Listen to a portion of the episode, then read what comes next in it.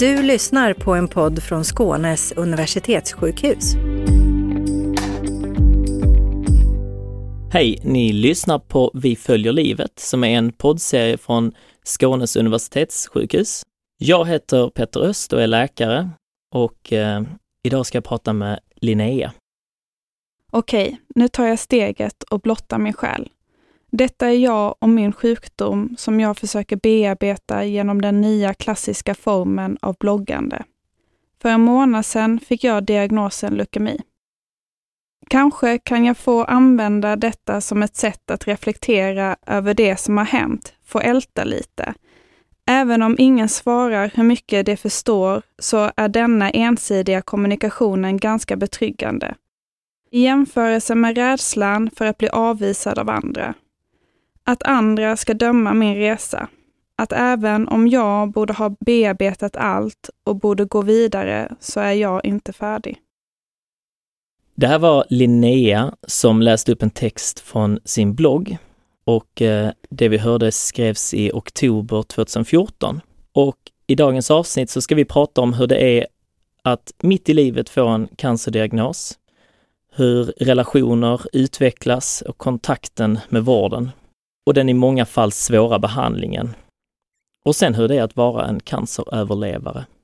Välkommen Linnea! Tack! Mm, vad kul att ha dig här! Tack! Du kan väl berätta lite om dig själv för lyssnarna, vem du är? Mm, jag är precis fyllt 31 faktiskt och eh, jag läser till psykolog på Lunds eh, universitet. Jag bor här i Lund och jag är från Lund. Vad härligt. Ja. Mm. Uh, det är ett väldigt starkt inlägg här från din blogg. Kommer du ihåg när detta skedde? Jag tänkte vi ska gå tillbaka lite till den tiden Mm.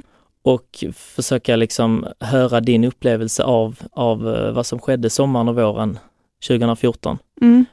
För du var, var frisk och mådde bra och eh, levde livet och sen så, vad var det som hände? Hur började du känna att någonting var fel i kroppen?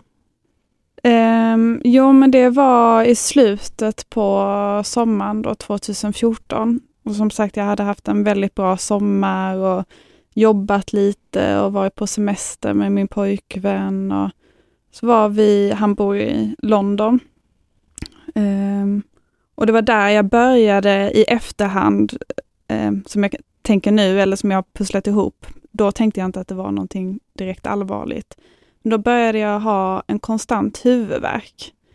Och det gick inte riktigt över med Alvedon, men det var bara lite molande och började må illa. Eh, och sen så åkte jag hem och så började jag plugga och då läste jag upp i Örebro.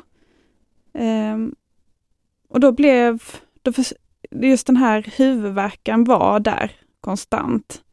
Men eh, det var framför allt att jag bara blev tröttare och tröttare. Och sen så fick jag lite feber och kände att jag, ja, men blev, att jag hade fått någon influensa. Eller någonting sånt som man tänker no normalt i skolstart. Eh, och så här, vi kommer ihåg att jag var med i något, jag skulle då helt plötsligt sätta igång med träningen tyckte jag var relevant. Och att efter det så svimmade jag när jag kom hem. Och under hur lång tid var detta? Var det liksom eh, Nej, alltså det, vi har var inte så nu? långt. eh, Alltså från det att jag var i London och huvudvärken började, eh, så var det ungefär, eller fram tills att jag sökte vård, eh, så var det ungefär en månad. Knappt. Och då bara blev det värre och värre. Mm, Ja, Mm. jag svettades jättemycket.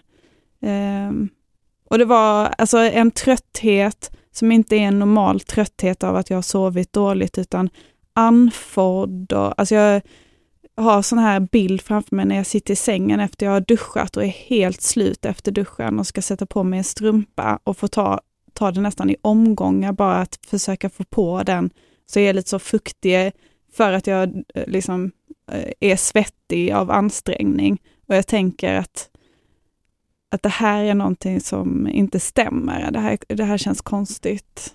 Men det tog ändå, det var en månad innan du sökte vård. Var, det, var du van vid att ha huvudvärk innan eh, och Mm. de här liksom, vad var det som gjorde att du kände att, nej men nu måste jag, Alltså det där med huvudvärken reflekterar jag nog inte så mycket över, utan det var framför allt bara den här tröttheten som var inte en normal trötthet att jag har sovit dåligt, utan jag hade tio minuter till skolan och helt plötsligt tog det 45 minuter för mig att komma hem.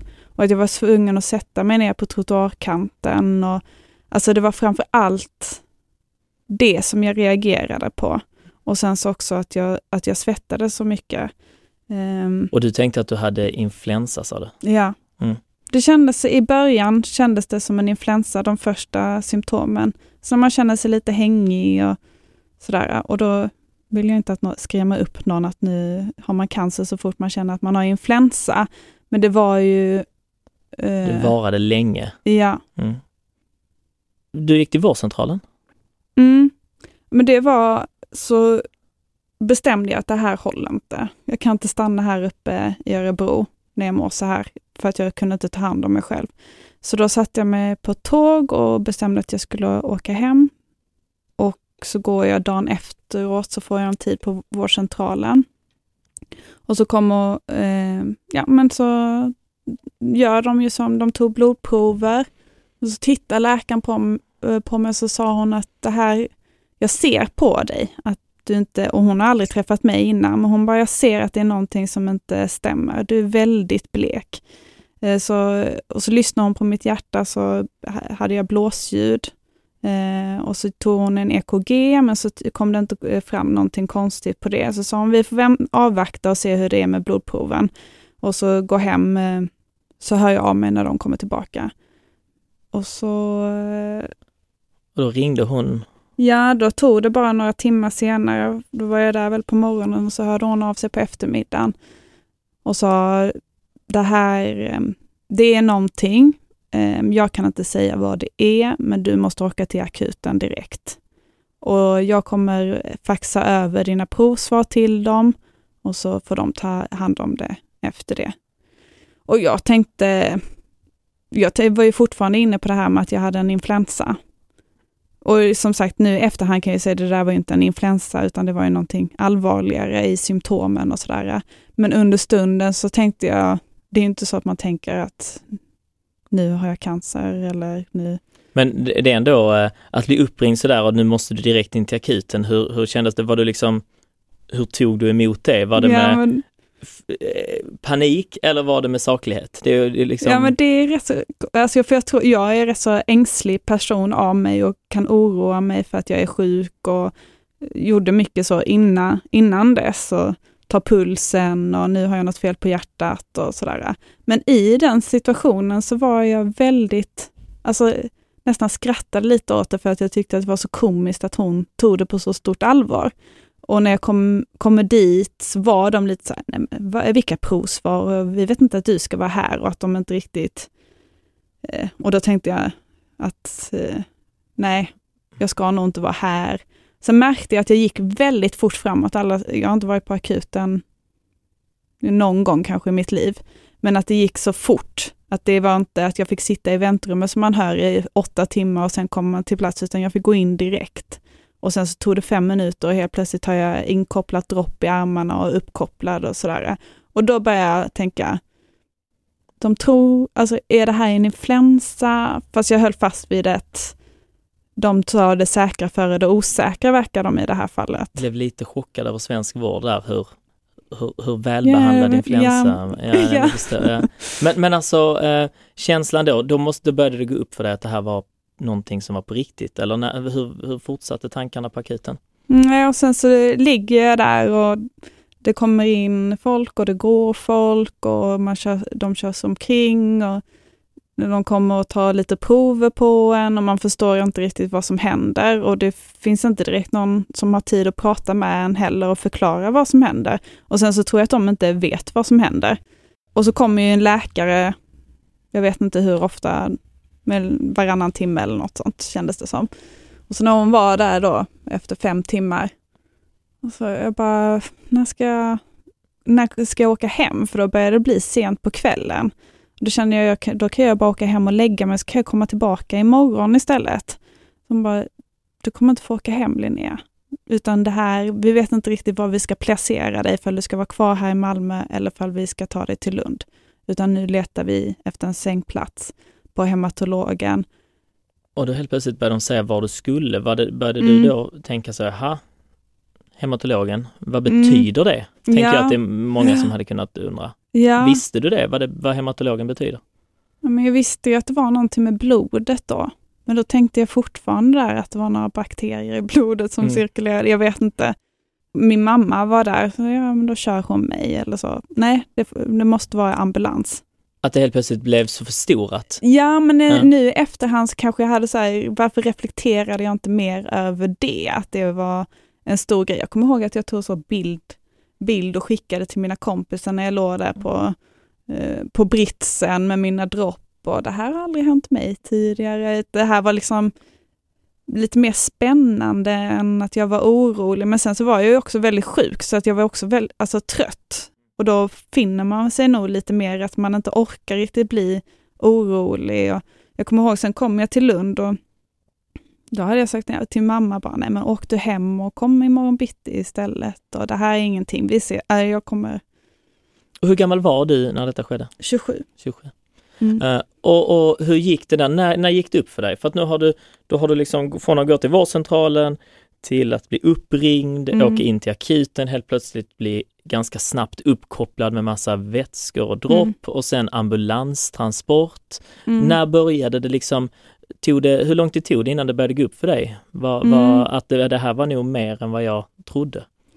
Då på morgonen när jag vaknade upp, då fick jag fick nog blod direkt när jag kom till hematologen också. Och sen så på morgonen så berättade de att de skulle göra ett benmärgsprov. Då fick jag en tanke att det här kanske är leukemi eller typ MS eller någonting. Och det var för du hörde benmärgsprov Ja. liksom. Eh, Och det jag- visste du vad det var eller? Ja, jag visste nog inte exakt vad det innebar, men att jag så här, sjukhusserier har sett att de eh, har gjort det. Ehm, Så det var, eh, var det Grey's Anatomy som var liksom eh, den, mm. eh, så, det, så det var där och då började du förstå att aha men det finns allvarliga liksom, ja, jag tänkte i alla fall att de måste utesluta det. mm, Att de, att de gör det här, men de kommer komma tillbaka. Det finns en möjlighet och jag vet i efterhand när jag pratade med mina kompisar och jag hade berättat det, då hade de tänkt likadant. Att det här är nog allvarligt, men man, man försöker fortfarande tänka positivt och försöka tänka, alltså jag var 27 år. mm, Det är ingen som är 27 som får cancer. Jag känner ingen i min ålder eller som är 10 år äldre som heller har haft cancer. Eller nu säger jag fel, för min mammas kusin har haft cancer när hon var yngre, men ändå, det tillhör ju inte det vanliga. Så det finns inte med i ens eh, föreställningsbild. Om man kan, alltså, ja, jag förstår.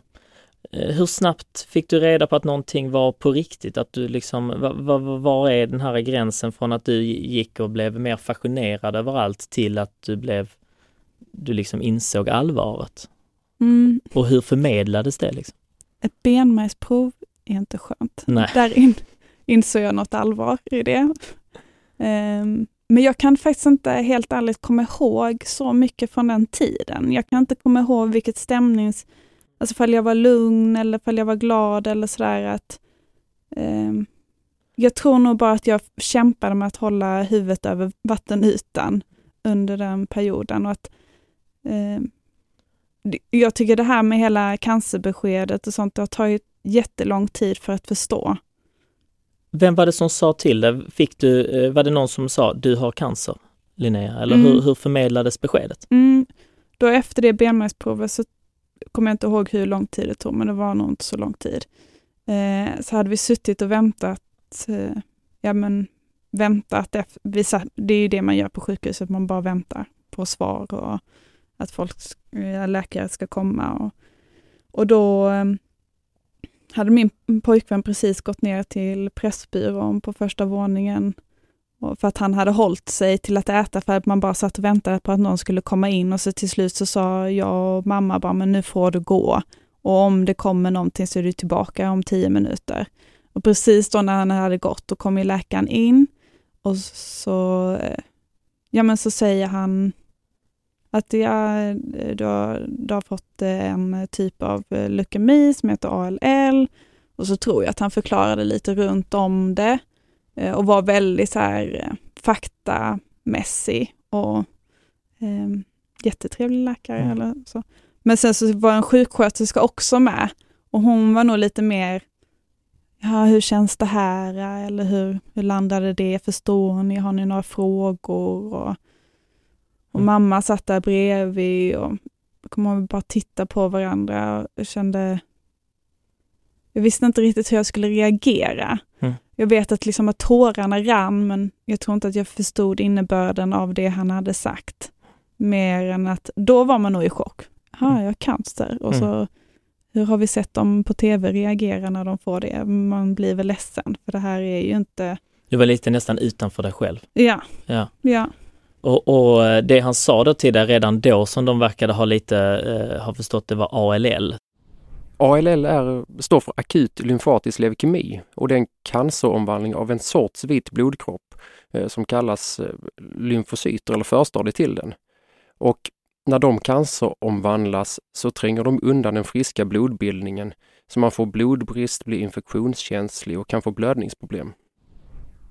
Då fick du det här beskedet eh, och det var svårt att ta in och Mm. så skulle du förmedla det sen till din pojkvän. ja då kom han in mitt i det här samtalet och förstod inte riktigt vad som hade hänt. Och så tittade jag på honom och bara, lite det här att jag inte är i mig själv och väldigt neutral röst minns jag det som att, eh, eller så här kall, inga känslor riktigt kopplade till det utan bara, jag har fått cancer, jag har leukemi.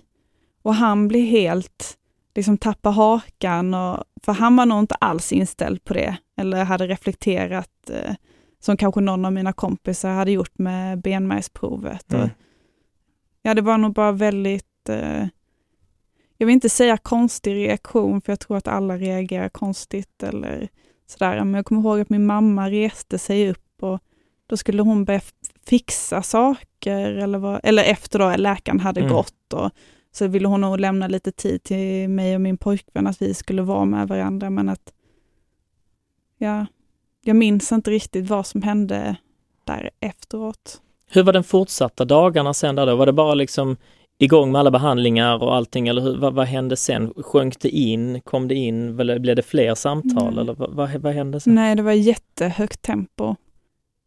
Jag upplevde det som väldigt stressigt. Dels tror jag att, det, då får det här beskedet och inte riktigt veta vad det innebär för framtiden eller vad det innebär här och nu.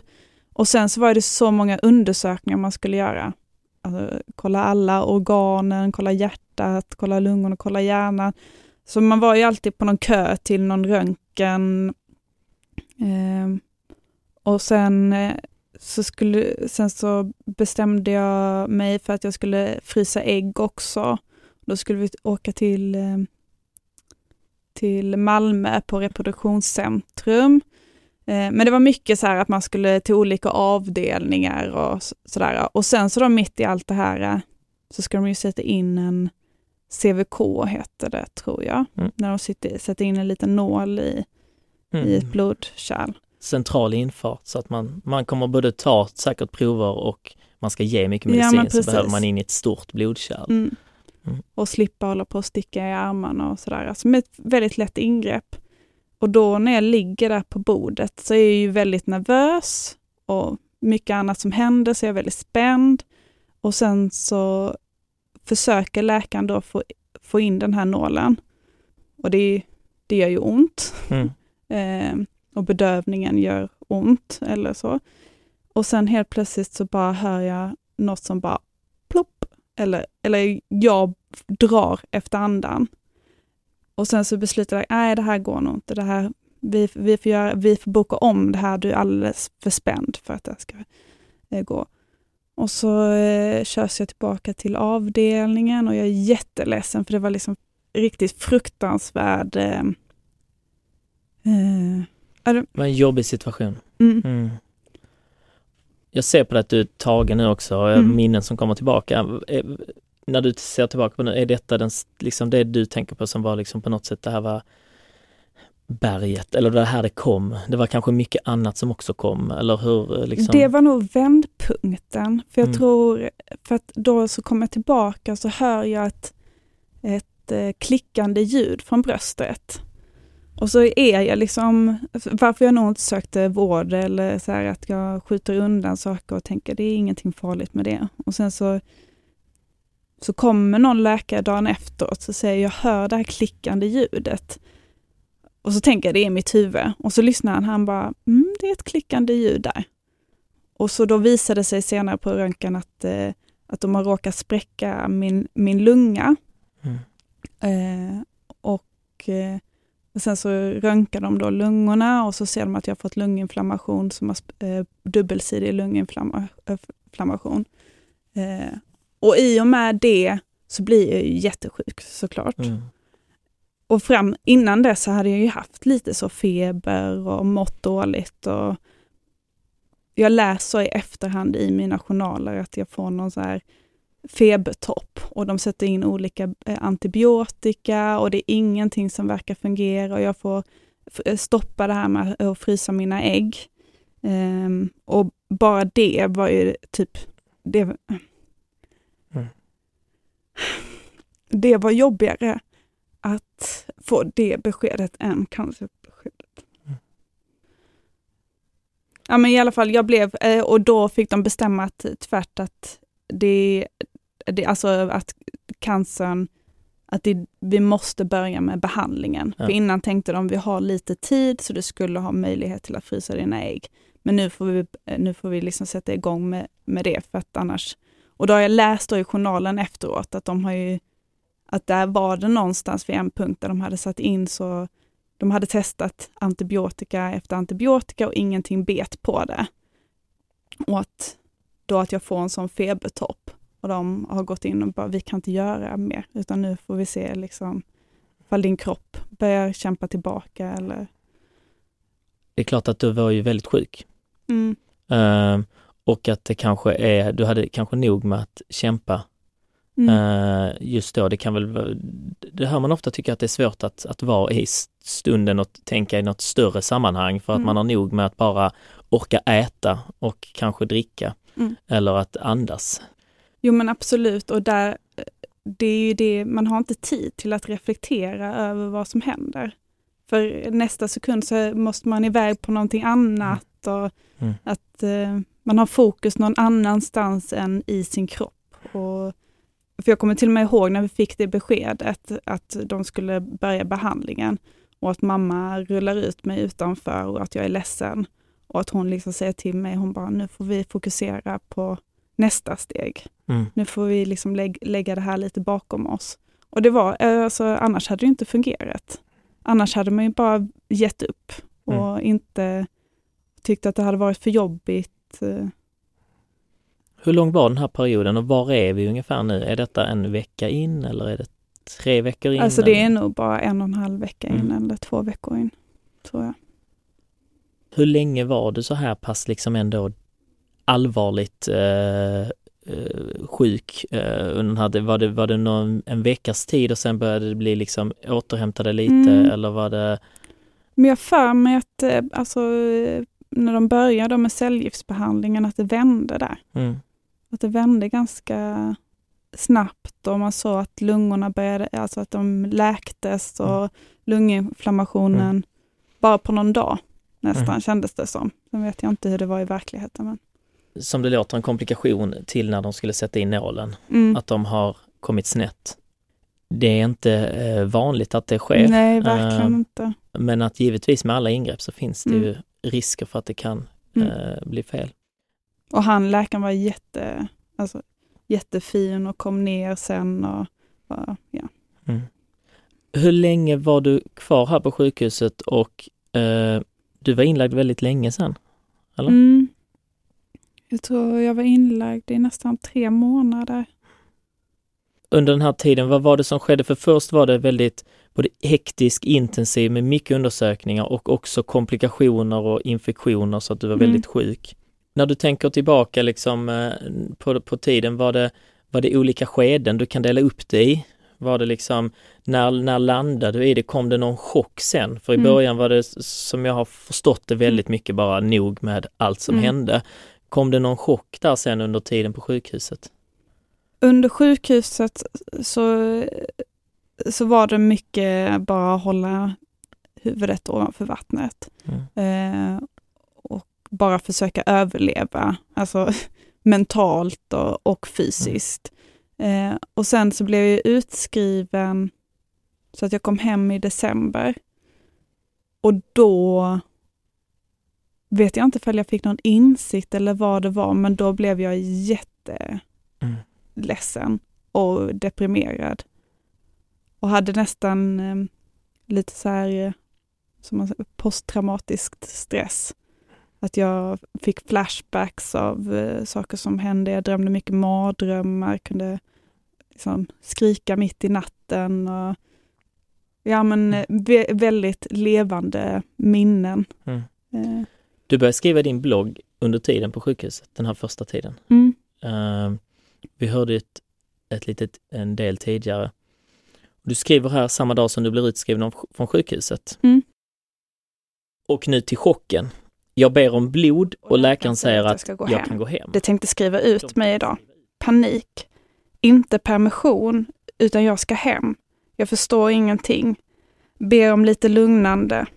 Klockan fyra idag lämnade jag hematologen, avdelning 3, rum 3, på våning 3.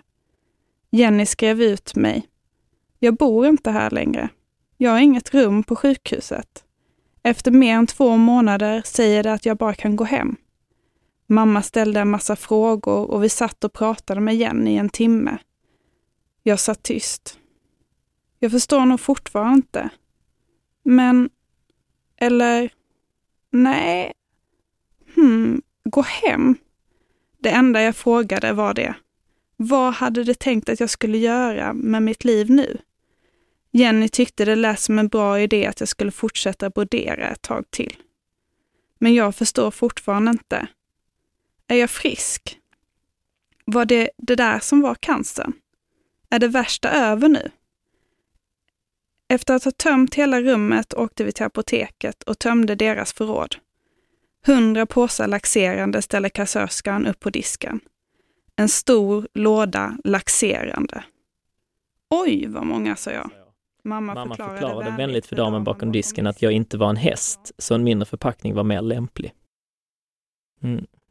När jag hör det här så slås jag av desperationen, rädslan, också den fina relationen med din mamma. Mm. Är, är rädsla, är det rätt ord?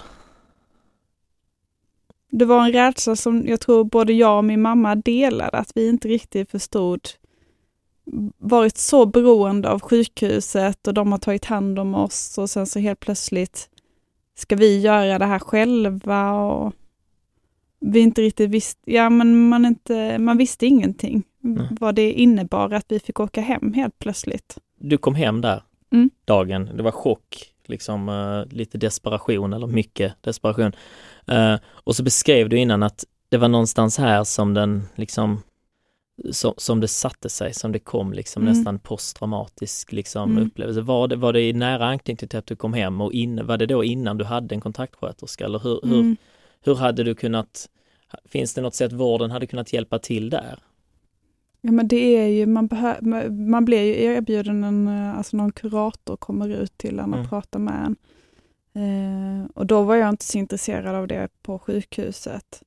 Eh, men att man hade nog, det, alltså, en sån kontakt hade man ju definitivt Mm. behövt i det skedet.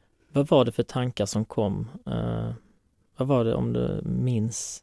Vad var det som cirkulerade runt i Jag bara minns ett väldigt mörker och att jag varje morgon när jag vaknade så var det tungt. Och man vill nästan bara gå och lägga sig igen för att slippa leva den dagen. Och sen vaknar man på morgonen och då ska man gå igenom det igen. Var det några speciella saker du minns som var att det där hjälpte mig? Framförallt min mamma. Och min pojkvän och vänner och sådär. Att ha det här sociala nätverket, att våga sträcka sig ut. Men jag tyckte bloggen, att kunna skriva om det, bli en sorts bearbetning och få se det. Ibland är det så mycket som händer uppe i huvudet, men sen när man väl skriver ner det eh, så får man något slags eh, distans till det nästan. Mm. Att man kan se det på svart och vitt. Eh, Du beskriver det också på bloggen, eh, det är som ett litet terapeutiskt eh, verktyg. ja. Eh, Mm, och att ha möjlighet att älta mm. saker också, även om i detta läget kanske inte det är ett ältande utan Mm. ett mer Man känner ju sig så otroligt ensam och Mm. lämnad i en sån situation, även om jag har haft jätte, alltså, bra st- alltså stöttning utifrån och så. Men det, att vara sjuk är, det ja. Och då med den bloggen och kunna skriva om det och kunna känna att någon annan sitter och läser och kanske delar lite av en smärta. Och, eh, men det har varit, det har varit jätte, det betytt jättemycket för mig. All, mm. I den här långa eh, liksom, tiden med alla olika behandlingar eh, och är detta den perioden du, du tänker tillbaka på som var den jobbigaste? Mm. Och kanske tre månader framåt. Mm. Det har varit olika perioder, alltså de har varit jobbiga på olika sätt. Mm. Vissa är perioder fysiskt och sen så andra mentalt och, och ibland både och. och Jag tänkte att eh, eh, många som lyssnar och inklusive eh, mig själv och, och eh, jag, jag, jag tänker också om man är anhörig, om man Mm. funderar på hur man ska bete sig. mm. Ehm, vad, det, vad, det, vad, vad man kan tänka på ehm, vad det är och jag slår också av att du säger att det är en väldigt ensam sjukdom och eh, du har ett inlägg på bloggen också eh, som jag har fastnat för, Mm. eh, som jag tänkte vi ska lyssna på. Och det är när du skriver ett brev till en annan person, ett öppet brev på din blogg, Mm. som även är skickat som brev, men jag tänkte Mm. vi ska lyssna på det. Jag satt och funderade på vad jag skulle skriva till dig. Jag funderade på alla meddelande, uppmaningar och kämpa på som jag fått genom min resa. Jag satt och funderade på vad som hjälpte mig i stunden för att hålla huvudet ovanför ytan. Men det finns inga ord. När jag blev sjuk kom en bekant som hade haft leukemi för några år sedan. Jag tog kontakt med honom och sen var han på sjukhuset efter 20 minuter. Det är en fruktansvärt ensam sjukdom, trots alla människor omkring en. Trots att det hjälper en att ösa vatten och ibland till och med ro cancerbåten, så sitter man där ofta ensam. För det är så här cancer fungerar. För mig var det så fantastiskt att min kompis kom. Dels för han gav mig mycket hopp och han peppade mig. Ord som betydde mer än någon annans, för det han visste. Han hade varit där, där jag var samt att han gav mig många praktiska tips. Du beskriver ju just det här med ensamheten. Mm. Ehm, och eh, sen lite går du igenom också alla, alla meddelanden och kämpa på uppmaningar liksom. Vad skulle du säga idag? Det här är ett gammalt inlägg, men om du idag skulle säga till någon anhörig, dels liksom vad är det finaste man kan göra och jag, eller det bästa man kan göra? Och som jag förstår det så är det, så som jag tolkar det och Mm. även när jag hör dig, så är det också att bara finnas där. Mm. Absolut. Att höra av sig, bara om det är ett sms, att man skriver jag tänker på dig eller sådär. Det tror jag.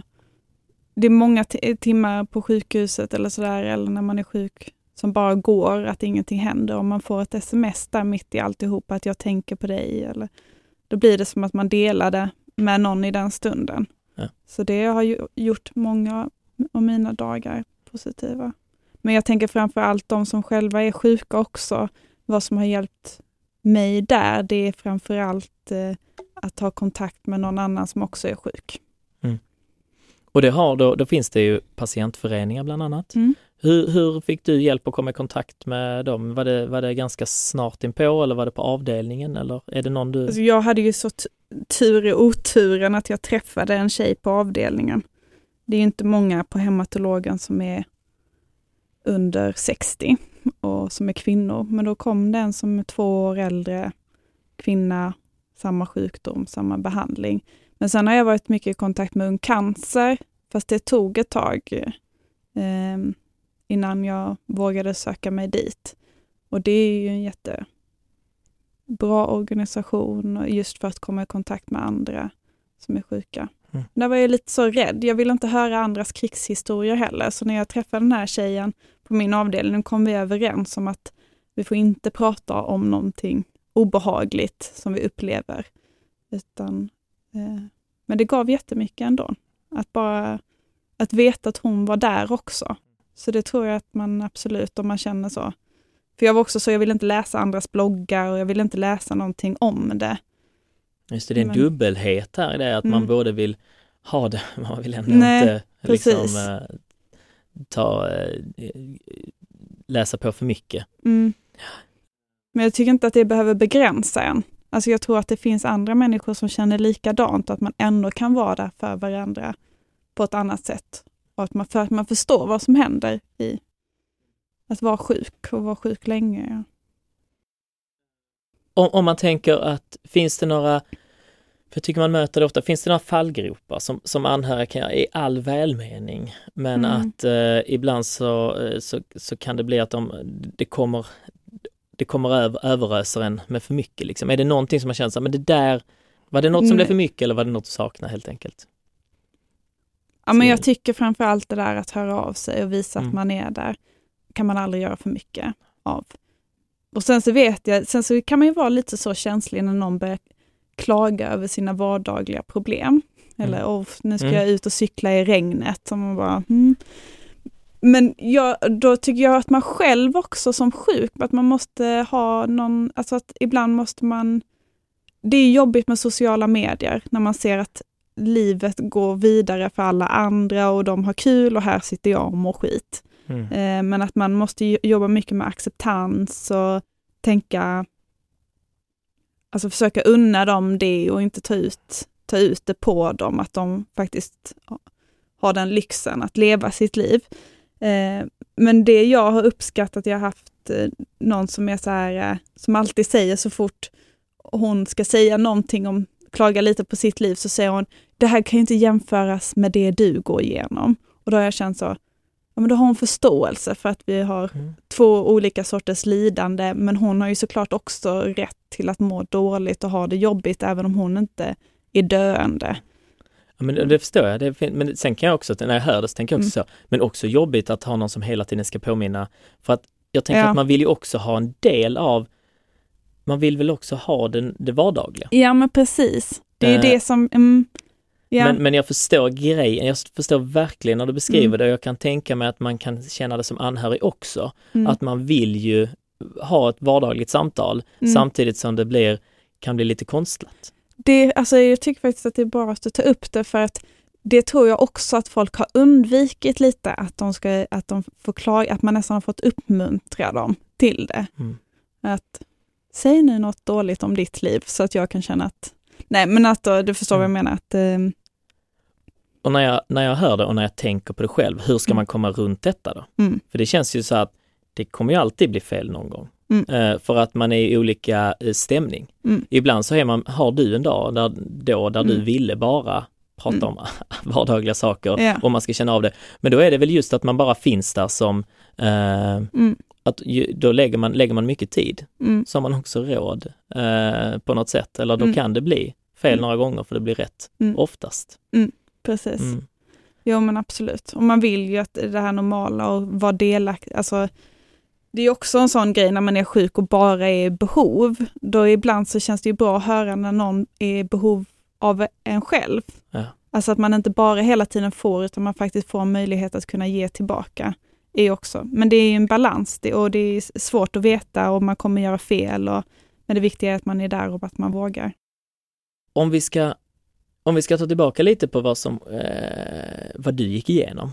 Du kom hem från sjukhuset, men sen började behandlingen, eller Mm. fortsatte behandlingen och var en tid som, eh, ja du kan få förklara den själv, men du, du fick eh, cellgiftsbehandlingar Mm. med jämna mellanrum under Mm. rätt så lång tid. Hur Mm. var den perioden? Ja, den perioden är uppdelad i många, eller behandlingen har ju varit uppdelad i olika block, behandlingsblock. Så jag kan nog inte svara så här direkt Mm. den här perioden. Nej. Utan jag har ju varit sjuk eller varit under behandling i två och ett halvt år. Jag tror att jag har precis gjort 99 cellgiftsbehandlingar. Så att, eh, och den andra gången har inte varit den andra lik eller vad man säger. Men om vi ska ta första perioden efter du var hemma eller den, Mm. om du väljer en period som du kan beskriva hur, hur, hur vardagen såg ut då liksom. För Mm. att det är en lång period. Ja, det är just Eh. det som nog är det som, är, som har varit jobbigt, att det har varit under en väldigt lång period. Så att man mm, att det har varit svårt att ha acceptans för det. Svårt att kunna att kunna få låta sig vara sjuk.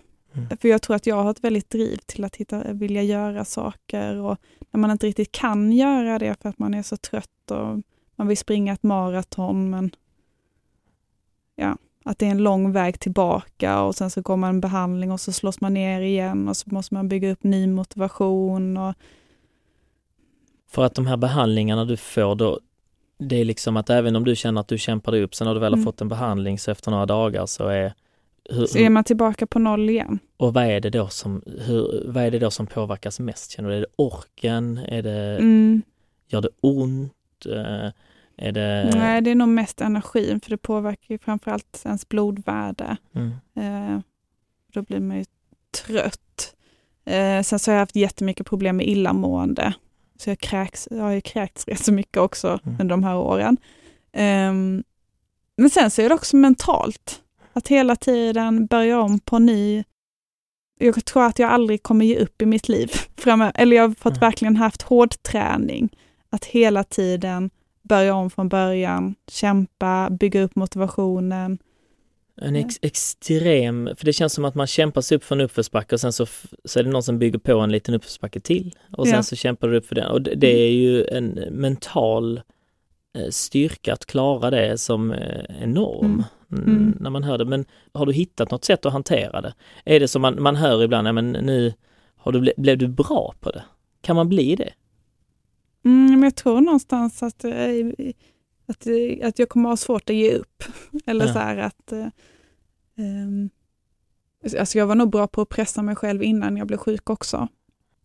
Kände du att du inte orkade någon gång? Var det, var det liksom i Mm. perioder här när du bara kände att nej men nu blev det för mycket? Mm. Och gjorde man då, kunde man då hjälpa till från vården på något sätt eller? eh, Men jag tycker framför allt det här eh, att det nästan också, visst att man ska mm, kämpa och, och så, men också att det måste vara en balans. Alltså som jag sa innan, man måste också få låta sig vara sjuk.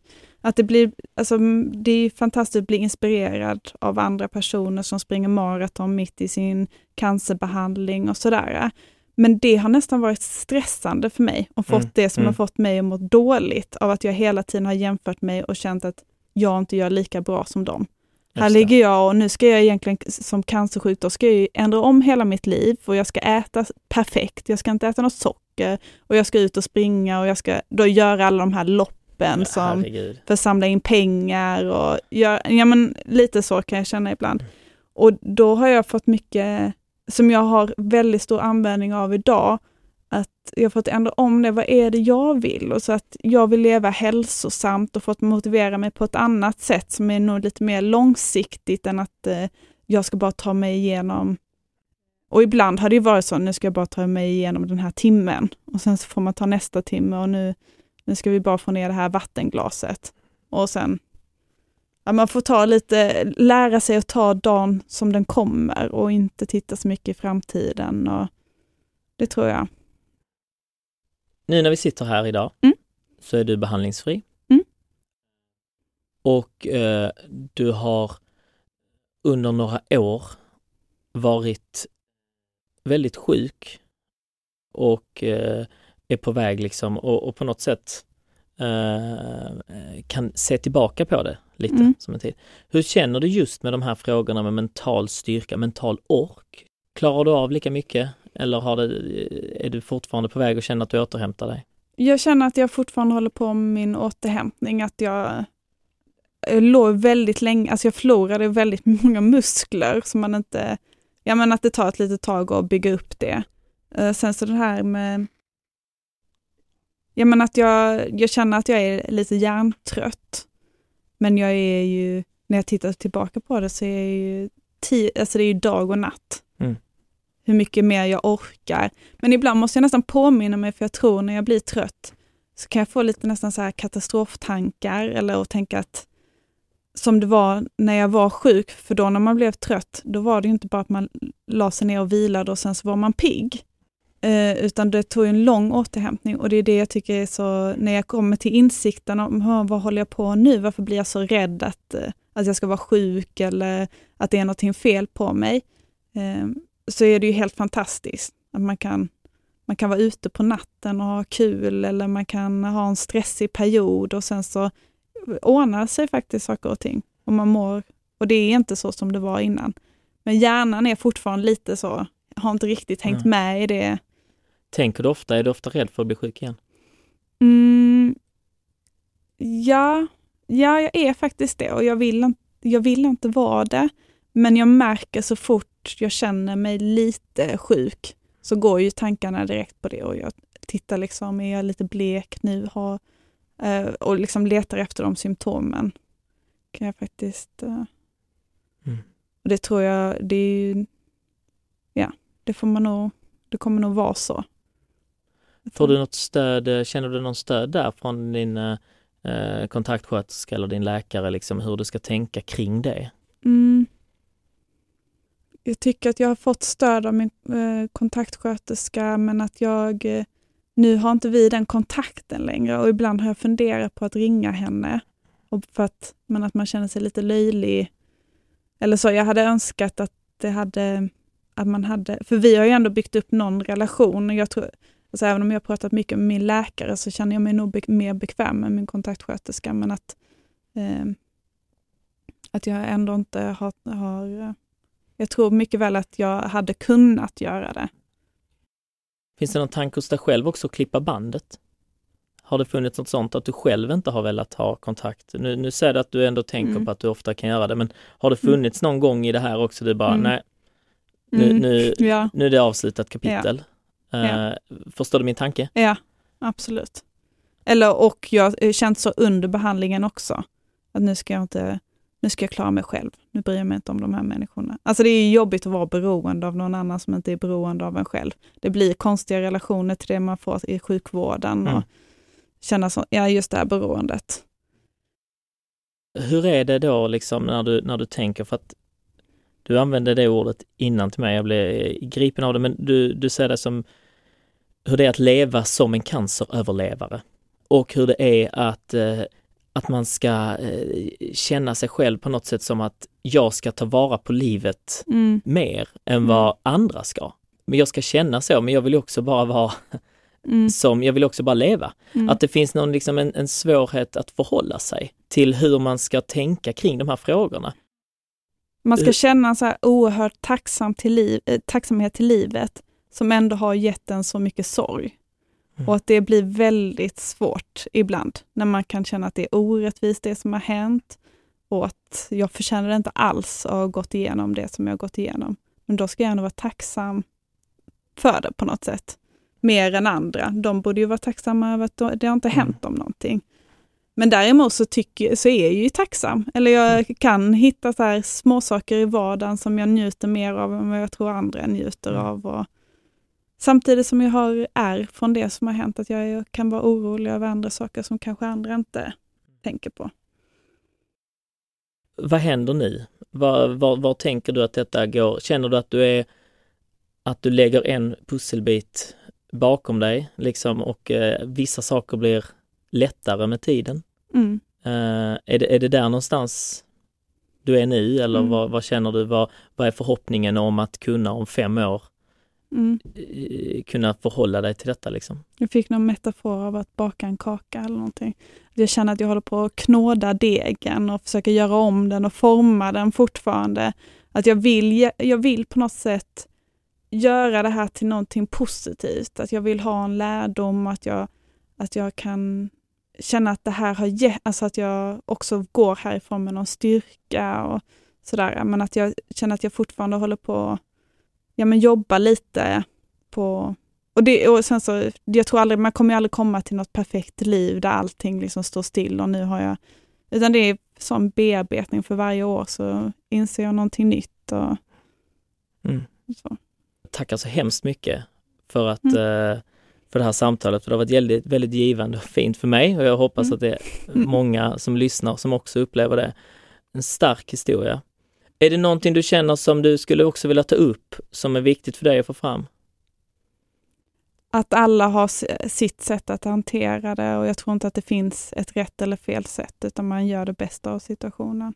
Man inte ska klandra sig själv eller utan man gör så bra som man kan i en svår situation. Ja, vad fint. Tack så hemskt mycket Linnea. Tack och själv. eh, ja, det här var, eh, vi har hört Linnea, Eh, vi har haft en eh, starkt samtal om eh, hur det är att mitt i livet få en cancerdiagnos och sen vägen tillbaka och vägen genom behandlingen. Och det här var ett avsnitt ur poddserien Vi följer livet. Hej då! Du har lyssnat på en podd från Skånes universitetssjukhus. Lyssna gärna på våra andra poddar.